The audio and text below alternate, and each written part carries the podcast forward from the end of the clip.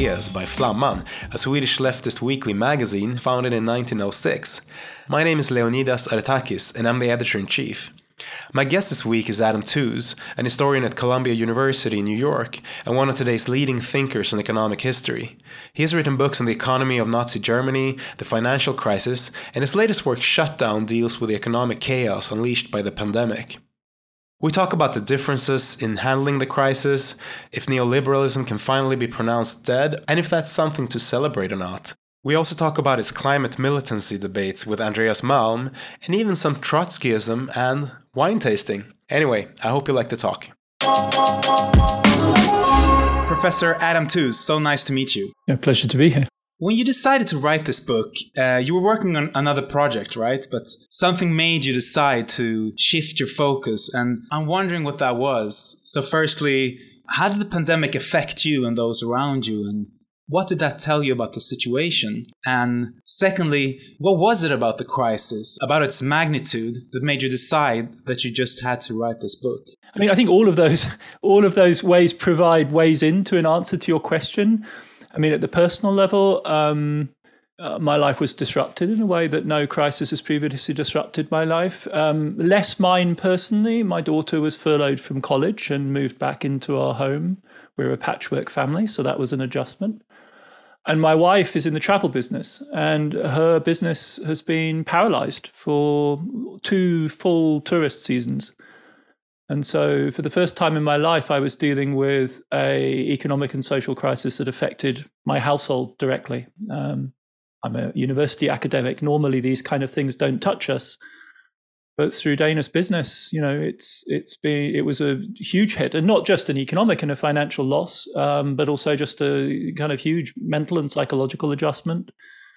All her plans were paralyzed. She's normally on the road all the time, and not just her, but her entire network of colleagues all over the world. And we're talking both people in advanced, rich economies and people in Cambodia or Tanzania who were facing breadlessness. So there was there was big drama at home at that level the other thing is that my life now is lived very much in my intellectual life is lived very much in sort of almost day. I mean, not almost in daily interaction with contemporary commentary, with people in the financial markets, with journalists. You know, and normally I can balance that with other long term projects like you know writing a history book. Uh, and that that's what I would had been doing. Um, but obviously, the force of the crisis made that very difficult to sustain because I was writing five or six, or even sometimes more articles a week on the on the COVID crisis, and and and furthermore, the nature of the crisis was such that it had immediately engaged me because, uh, you know, I, would written this book about the financial crisis of 2008, in which, as it were, we would, I, we, I say we advisedly, because the whole community of us were trying to make sense of how the banking system had failed on both sides of the Atlantic and how governments had responded and central banks and what the pros and cons of that intervention were. And all of a sudden, we were back in that same world again. And so it wasn't just that everyone got busy and there was lots to say. I mean, the, those of us who had been puzzling away at trying to understand what happened, broadly speaking, between 2008, Lehman, and 2015, and the end of the Eurozone crisis, were suddenly, like, literally confronted with the question of how do we make sense of this now? Um, and at that point, I realized I just couldn't sustain the balance, not at a personal level, not, not at an intellectual level. And also, I mean, to go to your most basic question, this was huge. I mean, it became rapidly obvious that this was simply the largest economic shock, hopefully, that any of us will live through. Certainly, anyone has lived through in recorded economic history. We've never been in a situation in which 20% of global GDP was cut away in a matter of weeks. Uh, I've never, I hope never again to live in a society where week after week, four and a half million, five million, six million people are signing on for unemployment benefit, which is what we were you know living through including my wife you know how, how, could you how could you sleep on this like you know yeah. it was it was uh it's the simply simply the largest shock and I mean, I couldn't do it practically, and I and, and it, it, was the next chapter, essentially the next section of this book, Crash, that I wrote right. that had to extend. And you know, at a deeper level, the book I'd been working on was climate, and obviously that's the problem of you know our fundamentally unbalanced relationship with the environment and the smart i mean there's various ways of interpreting and understanding what happened with covid and it could have been a you know we can't exclude the possibility that it was a chinese lab accident but even if it was a chinese lab accident either way it is as it were a crisis triggered by our modern relationship with nature, whether through dangerous experiments in government labs or in the form of, you know, the standard zoonotic mutation type story about how we ended up with the COVID crisis. Yeah. So I would love if you developed on that point. Uh, you write in the book that uh, even before the virus started to spread, there was every reason to believe that 2020 would be a tumultuous year. So, what were some of these underlying troubles in the global economy, and uh, in what ways did the pandemic trigger or amplify them? Yeah, I mean, if you can remember back to where we were at over that winter, top of stack for the you know policy community, so called, was trade wars between the United States and China. In the back of that was Trump and China, uh, but Trump was the was the new factor. I mean, tensions between China and the US had been rising already under Obama, but with Trump it went to a whole different place. And Trump was up for re-election, and I think it was you know you, had to be very sanguine, very optimistic to imagine that Trump was going to go quietly. I mean, I think you know after all, even when he won, he claimed that the result had been manipulated. So so I mean, this guy was not this you know American democracy was headed for a a crisis and everyone at that moment was you know in, in, over that winter or, already was like deeply preoccupied with with climate because we thought cop26 was coming in november 2020 2020 right? And i wrote a bunch of articles about you know the run up to glasgow and a pivotal year for for climate like uh, like everyone else. There was this sense that this was you know how how is a bargain going to be done? What would europe's role be and in the back of all of this, thinking from a more narrowly European perspective, there was just the lingering questions about the stability of the Eurozone. Because remember, in 2018, there had been the Italian election with the breakthrough of the Five Star and the Lega. There were very serious concerns about the stability of the Eurozone at that moment. And in 2019, now we get really technical on the macroeconomic side, you know, the, the move, the, the build up of deflationary pressures in the Eurozone had become so severe that Mario Draghi had gone back to doing QE um, and then there was this huge storm in the fall of 2019 as Draghi left the scene and Christine Lagarde took over with the German conservatives up in arms and the Financial Times arguing with the German conservatives. So QE is quantitative easing. Quantitative easing, yeah. That's when central banks buy assets and thereby flush money into the system yeah, yeah. and drive interest rates down. And that's something you don't, that's really not normal monetary policy. And they had been, why this mattered so much was that the narrative was that we were in a period of recovery, right? By 2015, anyway, we were beginning to recover. And so the narrative was, well, that's not really fair for Europe. Um, because in 2015, Draghi actually started QE. But, but the question in the room was 10 years on from the financial crisis of 2008, surely we must be beginning to quote unquote normalize. This was the phrase. And it was quite obvious by the autumn of 2019 that normalization of monetary policy was out of the question. There was, in fact, a very nasty hiccup in this technical market called the repo market in the in New York. It was already like really, yes, a potentially explosive year. And the, and the I mean, the other thing is the scientists have been warning us for 50 years that like this, you know, this zoonotic mutation was a risk. It's as old as the climate diagnosis. You note in your book that uh, there is like an interesting irony which is that centrist politicians like Joe Biden ended up doing quite radical things. So, what were those radical mm. things and why did they do them? Well, the, the, the, radical combination that we've seen is a combination of very active fiscal policy, so very active spending and tax cutting, with very active monetary policy. Uh, that is the central bank pumping money into the system and making credit very easy. And that's a very, very potent combination. It is the dream team of Keynesian, left Keynesian, you know, Sweden in the in the heyday of social democracy, or at least the fantasy version of Sweden. The reality is always a little bit different. But I mean the you know the fantasy version of progressive politics in the 40s and 50s that combines these two things. The central bank acts as a helpmate for fiscal action, and fiscal action drives the story. And that's sort of what we saw in 2020, um, driven by the crisis, gigantic fiscal action, and hugely supportive monetary policy. And it continued on into 2021. I mean, that statement really pertains above all to the early phases of the Biden administration and to the ambition of the Biden administration. What they're going to end up with because of Congress is something much more modest, and it's being argued over as, as we speak. But I mean, after all, if you add up all of Joe Biden's packages, you know, it's about $5 trillion all told that were promised in the first half of 2021. Now, I mean, when you talk about trillions, the Europeans, they all kind of go like googly eyed, oh, that's so much money. I mean, the American economy is huge, right? So the American economy is $20 trillion a year. The mm-hmm. European economy is huge too, by the way. Europeans need to kind of get over this. They, they, they live in a very rich, very big economy. And so if you, and this is all spread over 10 years. So when you break it down, it's actually much more modest than it sounds.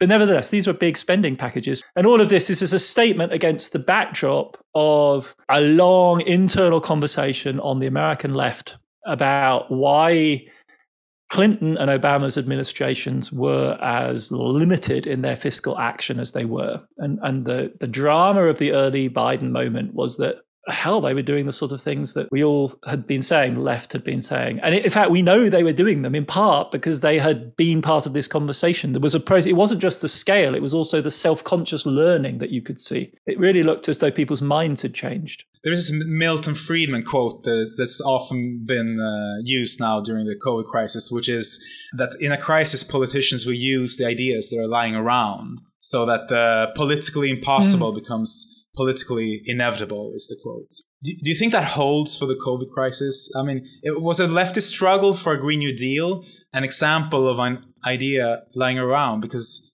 in that case, you know, the leftist push for a Green New Deal was successful, even though they themselves never reached power.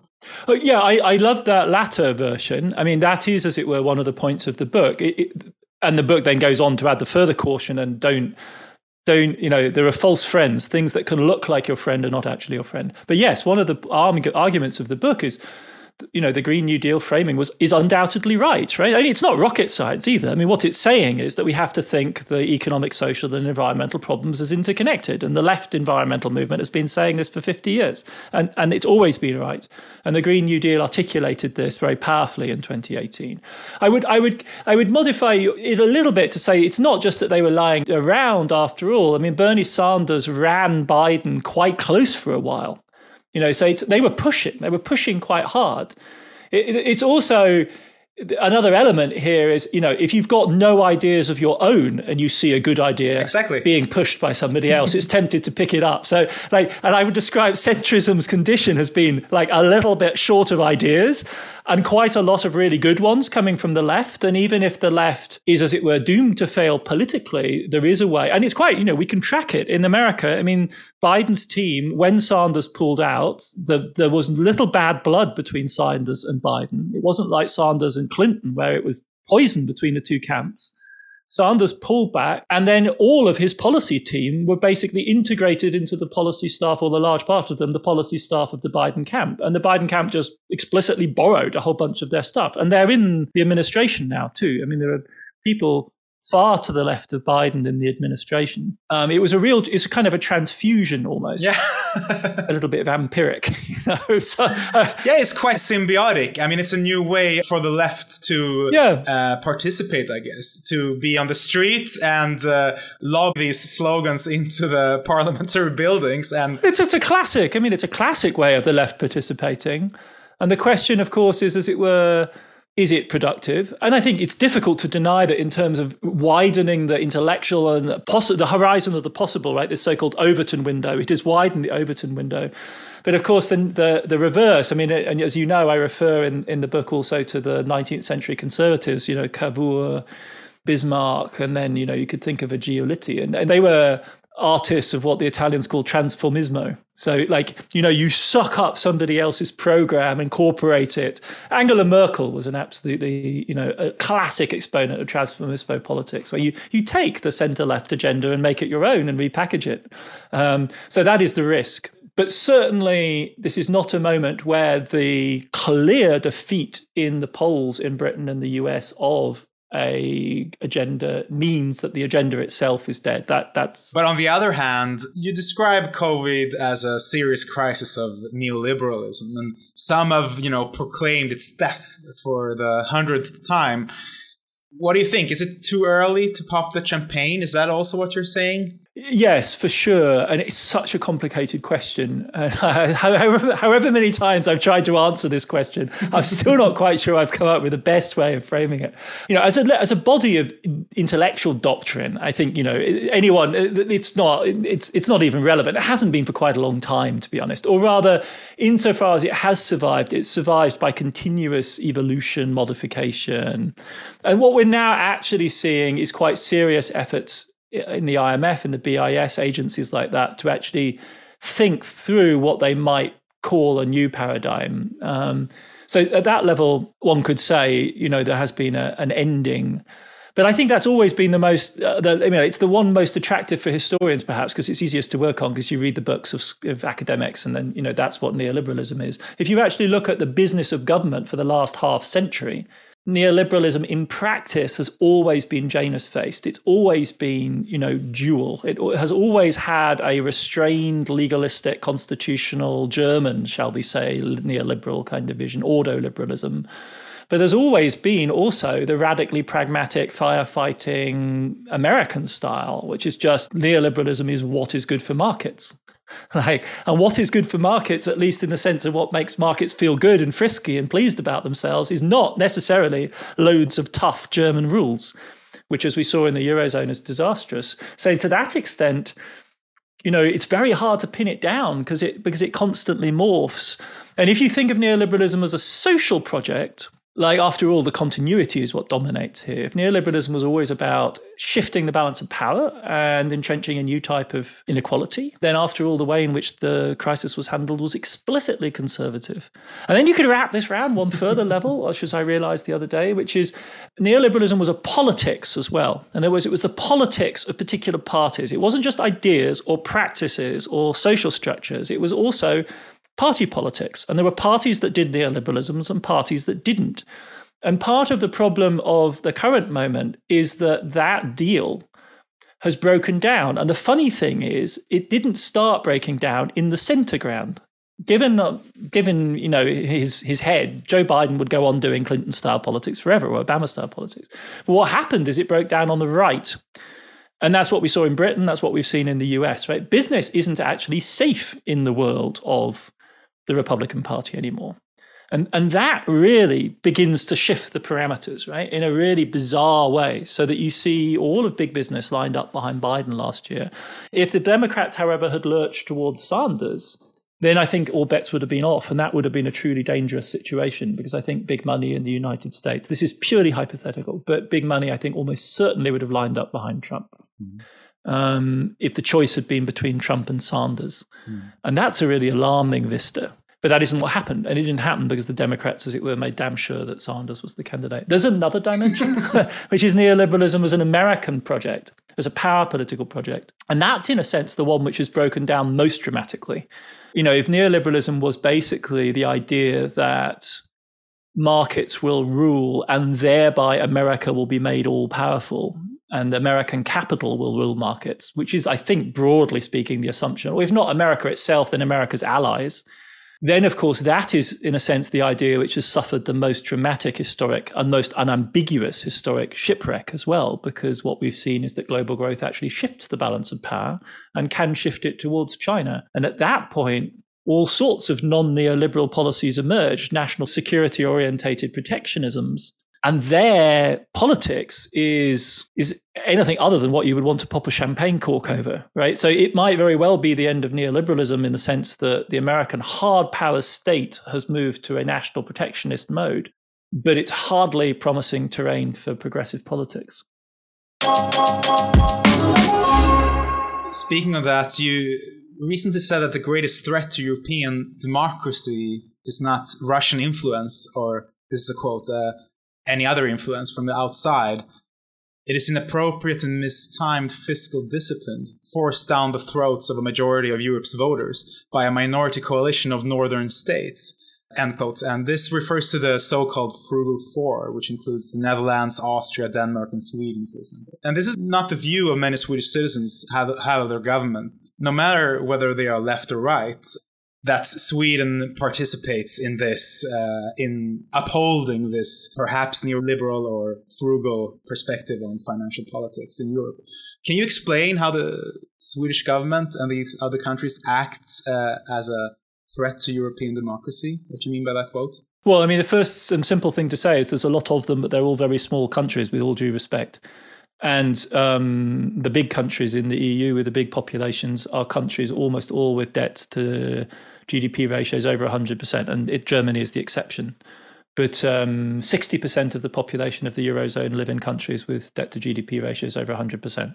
So if a coalition of however many there are, um, of states with a minority of the EU's population, or the Eurozone's population, manage to enforce fiscal politics on the vast majority, and 60% is the vast majority, and then that is in itself in contradiction with with basic principles of democracy. Now, there is no way within. There's no eurozone parliament, um, so this is at some level an abstract calculation. But that's the basis for my my strong statement.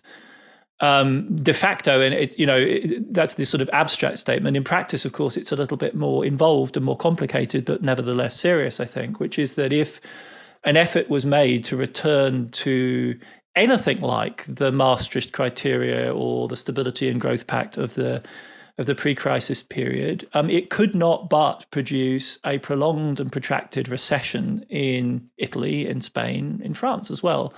I mean, if the aim of the game was to get to 60% of debt to GDP, I mean, you know, it implies a, a, a crash, nothing less. Uh, decades of serious recession.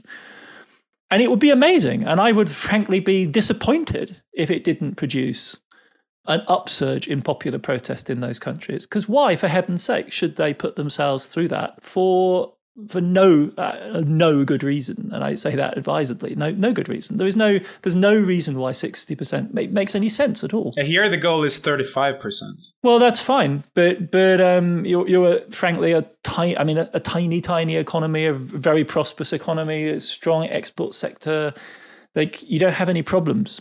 Um, so fine, whatever fiscal policy suits, mm. but don't generalize it. No, I'm actually critical of that policy. No, no, no, no. but I'm just saying, like, I know people say this is like, well, it's it's that's that's that's fine. I mean, what is the plan for this? What does the Swedish government imagine its pensioners are going to invest their savings in? If you have a 35 percent debt to GDP ratio, you're implying that, that you expect the vast majority of the wealth of Swedish households to be invested in really risky things. That's a policy that suits conservatives. Yeah, yeah, it and, seems and, crazy. But, but the Social Democratic Party in the 90s, it was basically this third way uh, party and they yeah, you know cleaned yeah. up the I economy mean, as they say call it and they and then they established this consensus that is still there and even the left party in Sweden abides by this consensus and it's it's also that the public sector has to have a surplus every year. So here spending is really well, hard I mean, I mean, and there is this left movement now trying to challenge it but it's not it's not the left party it's not the social democratic party. Everyone is still this is a consensus in Sweden still Extraordinary. I should know more about Swedish fiscal politics than I do. How, how do, I mean, I, so two questions. Like, literally, like, how do they envision household wealth being stably transferred across lifetimes and so the, current uh, social democratic leader just who was just inaugurated uh, she she's called magdalena andersson and she's an economist and she's definitely part of this consensus and, and she, her expression that she made famous is you know the barns are full so her, idea of the national economy is that if you uh, if you keep your barn filled, there is uh, when there's a bad harvest, you will have stuff to eat. So, for example, now during the COVID crisis, yeah, yeah, sure, sure. so now during the COVID crisis, the reason that Sweden could handle it, re- you know, relatively well economically is because we have saved so well. So, I don't know. What do you make of this way of thinking about the economy? Yeah, well, I mean, yeah, I mean, uh, let's not go down into the like, you know, how Sweden handled the COVID no, no. crisis conversation. I'm just thinking about the economy seriously. now. Yeah, no, no, no. But I still, it's still a puzzle to me how anyone, because you know, crucially for, for, for listeners, it's important to understand, right, that we think of government debt always as a liability. We always think of it as a burden. But we never, we don't spend enough time thinking about uh, government debt as an asset. And the beauty of government debt as an asset is the sort of is the entity that you owe it to. And far from that entity being, I think, in the minds of many folks who are perhaps conservatively inclined owing, you know, having the government owe you money sounds terrifying because the government is politicians and democracy and who knows whether they'll pay back. Well, in fact, they're hugely incentivized to pay you back because you're their voters. And furthermore, their revenue stream is not like, you know, like a company's revenue stream. Imagine if like your entire pension had been in Saab or Volvo or something, like which would have seemed like a great investment at one point. But it is a terrible investment in the long run. Much better to be invested in the capacity of the Swedish government to tax its citizens, which, after all, in its history, has demonstrated the capacity to do.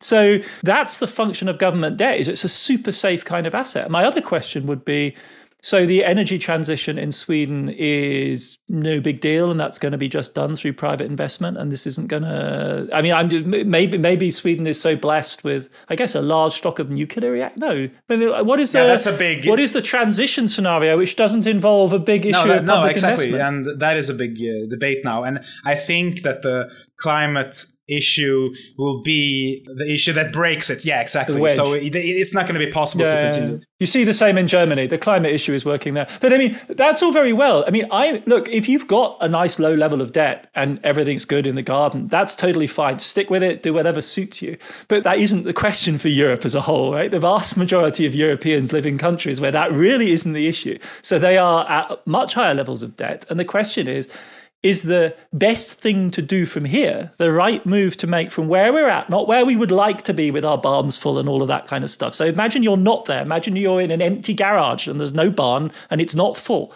Like imagine you're there. What is your next move? Like, and is the next move to somehow uh, wish yourself into a world in which your barns are full, or to live in the reality of your underground car park with no cars in it, which is your kind of bitter, tough reality? And what is the smart move from here? And that's what the Eurozone actually has to decide about, right? So then what are the sensible apparatuses that you need to support that? And, and what risks do you run if you attempt to pursue a policy that's actually out of reach, which is what a return to the old rules would imply? And the risks are economic, and I would argue the risks are political. And Italy is the test case. Italy's debt to GDP ratio is in excess of 150% of GDP. So forget 60%, forget Maastricht, forget Stability and Growth Pact. It's not coming back, right? It's just unrealistic. So give me conservatism by any means, but give me a conservatism that actually has a bearing on the world. Because otherwise, let's just treat it what it is as some sort of religious commitment. But it doesn't have any bearing on the actual reality. You cannot get Italy from 150 to 60 in not just our lifetimes, but our children's children's lifetimes. It won't happen in the next 75 years. So you just can't do it. There's no math that will make that work. So then, what is the policy for that world? My accusation against conservatism at this point is not so much that they are conservatives, but that their conservatism seems to be completely out of kilter with reality. Uh, and from there, we could start and then argue, but you, there's no point in arguing if you actually imagine that 60% is a reasonable target.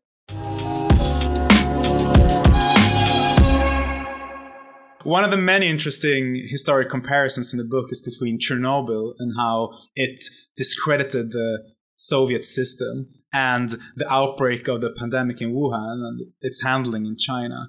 And you write that equating the situations uh, could be a mistake. Could you tell us about that and maybe get into how China handled the crisis? Yeah, I mean, it's important to say the, the comparison isn't mine. The comparison is one that that is made. So, in a sense, what I'm trying to do is diagnose our mindset in the West, where given half a chance if something bad happens in China, where we go is to Chernobyl. I mean, it helped, of course, the HBO had done that series that a lot of people watched, and it was intense, and and so you know they went there. But in a sense, the book is challenging us to say, why did we go there? That's such a weird analogy. Why would you mistake Wuhan with Chernobyl? Chernobyl really was a small provincial town behind the Iron Curtain.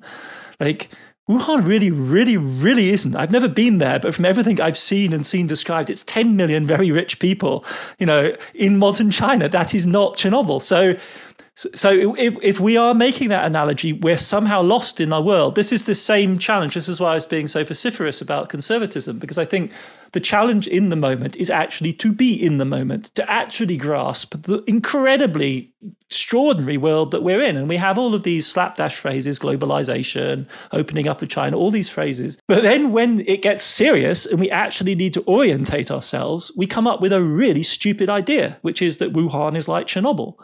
So there's something we there's something we haven't really fundamentally grasped. The book describes really this this befuddling February where Beijing is is managing this massive shutdown of the Chinese economy, which again is you know, there was this temptation to say, well, they're authoritarian, so you know it's easy for them to do this kind of thing, authoritarian regimes. In fact, China's never, you know, no one's ever done anything remotely like this in China because it's it's a catastrophe. Right? I mean, it really is a catastrophe. You actually have to stop the economy. And China is a rapidly growing economy, and some Chinese, and there's lots of them, like are very well off now. But 600 million Chinese, by their own accounts, live in poverty still. Not absolute poverty; they've abolished that, but like significant poverty. So shutting the economy down is a catastrophe, right? And we watch them do this as though it didn't really pertain to us. And, you know, I say this with feeling, living in a city like New York, which has an airport which connects it to literally everywhere in the earth and on the planet. And they, they watched people were flying in and out throughout that month.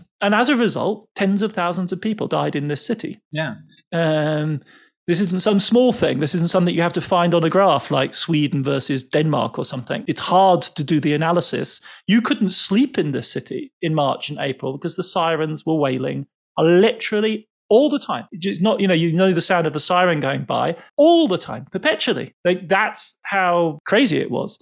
And it's not, I'm not really pointing the finger at individual politicians because if, you know, Cuomo or de Blasio had said, you know what, I'm really worried about China, I think we should shut the airport down, everyone would have, one would have said, you're mad. Like, you know, do you want to demonstrate the Democrats are crazy and hand the next election to Trump?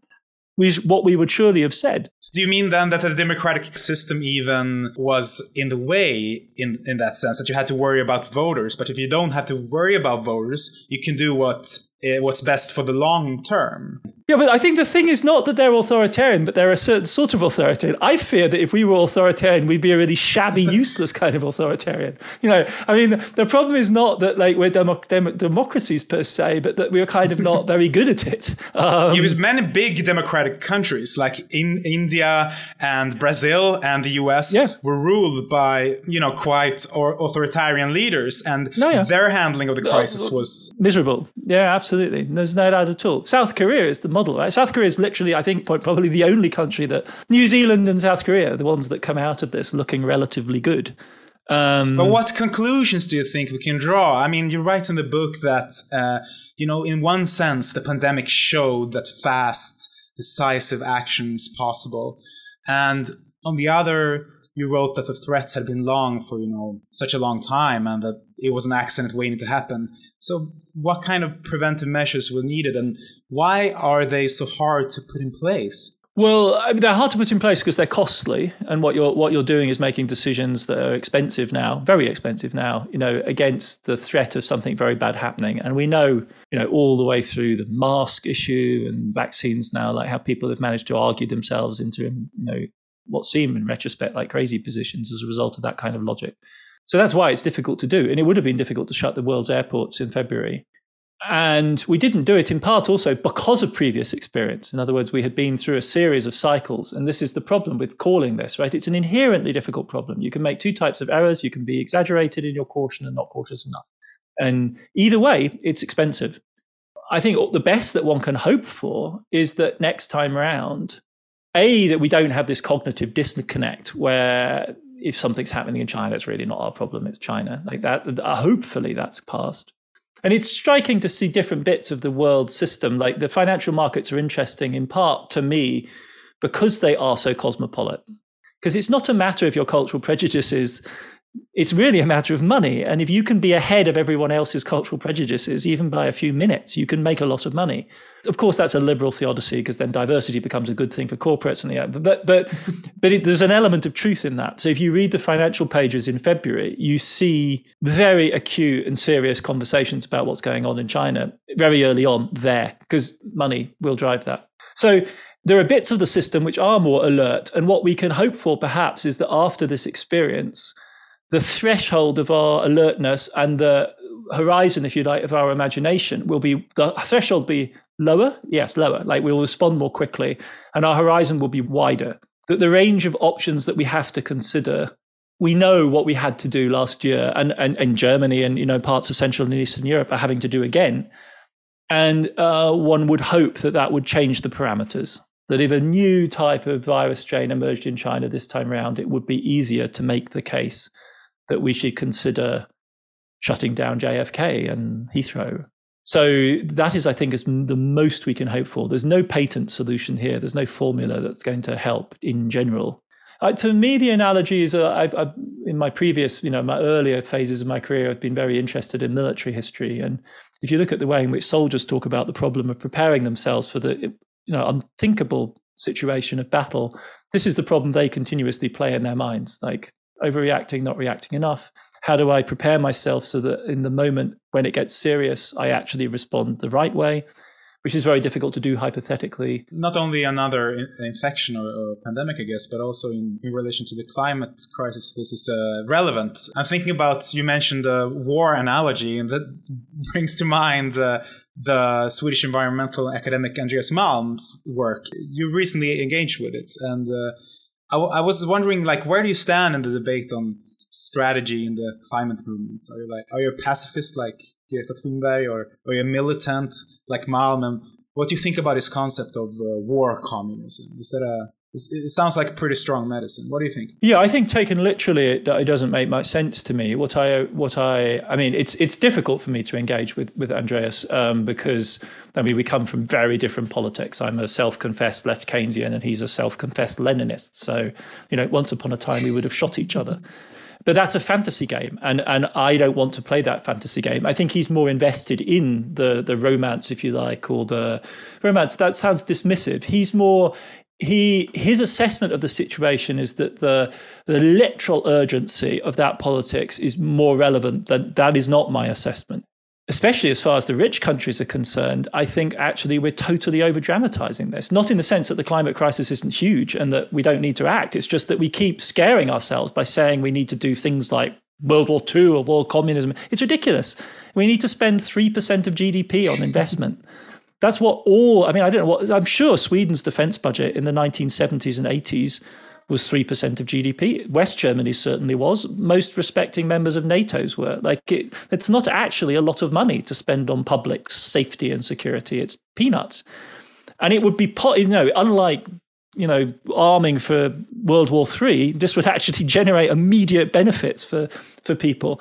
I mean, at the global level, I think it's a huge challenge. Um, but in a sense, the China problem is totally new and their problem, and what shall we call it, the Africa problem, the low income country. We never had a plan for that anyway. You know, it's not as though we had a plan for African development that's suddenly been derailed by discovering climate. Like development policy was a was a bust, and now it's kind of like a double bust because what we used to do, which build power stations, won't work. Anyway, so no, Andreas and I are quite on different wavelengths at that level. But what I'm really impressed by is his ability, also as a historian, is by his ability to summon history, if you like, into the room and to force us, by way of that, to imagine other questions. And certainly he's right, you know, as a matter of history, and I think also as a matter of tactics that historically um, progressive, you know, disruptive social movements have not consistently engaged in what he calls strategic pacifism. And that's just that's just a matter of fact. It's not true. I mean, I think in his book, in How to Blow Up a Pipeline in, in English, you know, he's very effective at skewering the examples that the advocates of strategic pacifism cite. So it's obviously obscene to say, frankly, that the, the abolition, the movement for the abolition of slavery was a non-violent movement. I mean, that's absurd. It's absurd and it's obscene because it devalues the role of slave revolts, which are crucial. This wasn't just a matter of, you know, Quakers in Britain deciding one morning that, you know, they should do the right thing and form an NGO. That's, that's not the story of slavery abolition. Nor is it the story of militant suffragettes who in Britain engaged in a long campaign of at times quite violent and at self-sacrificial protest. People were killed and, and, and they even um, became supporters of, of war, uh, of the war effort. So yeah. Yes, and, and, what, and what he doesn't do, however, is canvass all the instances where these kind of calculations go terribly wrong. Right. So, to my mind, he underestimates the risk because he doesn't discuss the instances where the move to armed struggle ended in total disaster you know, as a, as a tactical wedge against the monolith of strategic pacifism, it's a, a compelling argument. But um, for me, we are so far from having exhausted the capacities for constructive government, constructive action on the part of the existing institutions that um, I'm not going to respond to somebody like Andreas Malm with like indignant outrage and anathema and like, you know, but um, I think right now um, his vision is more apocalyptic and infused by something else. It's infused by a desire for a radical change, uh, a totally radical change, uh, you know, a, a, massive overthrow. I mean, climate isn't his first cause, if you like. Um, he's a trot, right? He's a, he was a self, which is I, I, I, spent time in the British Trotskyist movement. Like, oh, it's really? Not, it's it's like many of my contemporaries um, in the in the eighties. A lot of academics I've heard uh, come from the Trotskyist movement. Is that uh, correct? Yeah. Well, I mean, if your choices of slogans in the 1980s was between like you know alignment with Moscow or alignment with neither Washington nor Moscow seemed like broadly speaking a sensible place to start. And if you were if you were articulating that position not as a new neutral, but is a NATO country, then that's where that position was very powerfully articulated. Elements of the Trotskyist program have, have long, you know, I mean, it's not a surprise. I mean, it's actually been one of the great intersections between Marxism and and uh, liberal politics. Um, also, sometimes reactionary politics. There's also, you know, a bunch of people that that end up in a very, very hard right position.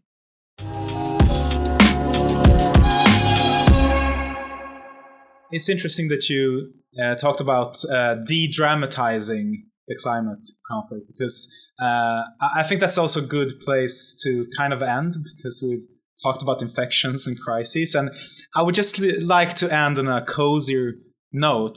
Um, when I told some friends that I was interviewing you uh, at a dinner two days ago, uh, the first thing someone said was, Oh yeah, uh, he's that historian who also arranges wine trips, and that's like that's like the best thing I've heard. Uh, could you tell us about that? Uh, so uh, it's it's it's it's my it's my wife. Um, so she and I have a we met traveling, and uh, it's it's one of the real delights of this phase of my life that uh, we get to enjoy that together. So yeah, we do we do tours in in Europe, combining history and gastronomy and and wine and yeah, it's been one of the real discoveries, really. I mean, and obviously, wine is something that is freighted with history. What I what I love about it is, you know, there's there's this sort of absurd, like sort of scientific. These people who you know do these tests where they do blind tasting, and, and then they reveal that the great experts are unable to tell the the wines with a story from the wines without a story, and then they go, mm-hmm. "Gotcha!" Like you know, it's all just bullshit.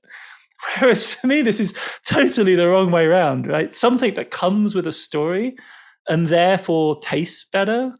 I mean that's you know as a historian as it were that is your that is your métier right? You you read things in narrative. You you give meaning to them.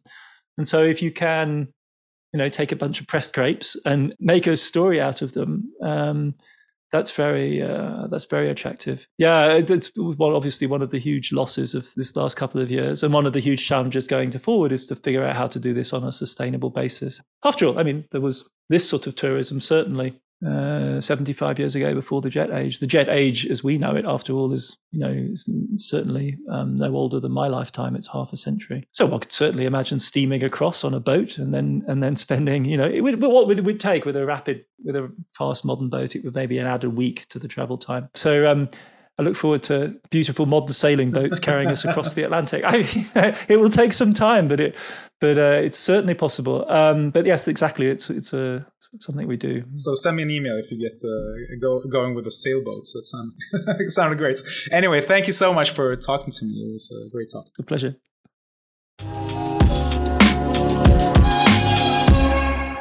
That's it. Thanks for listening. This episode and others are a bit late. Sorry about that. I think you can hear why on my voice in the intro and outro. It's not COVID, it's just preschool stuff for my kids. Anyway, please give us a nice review and take care.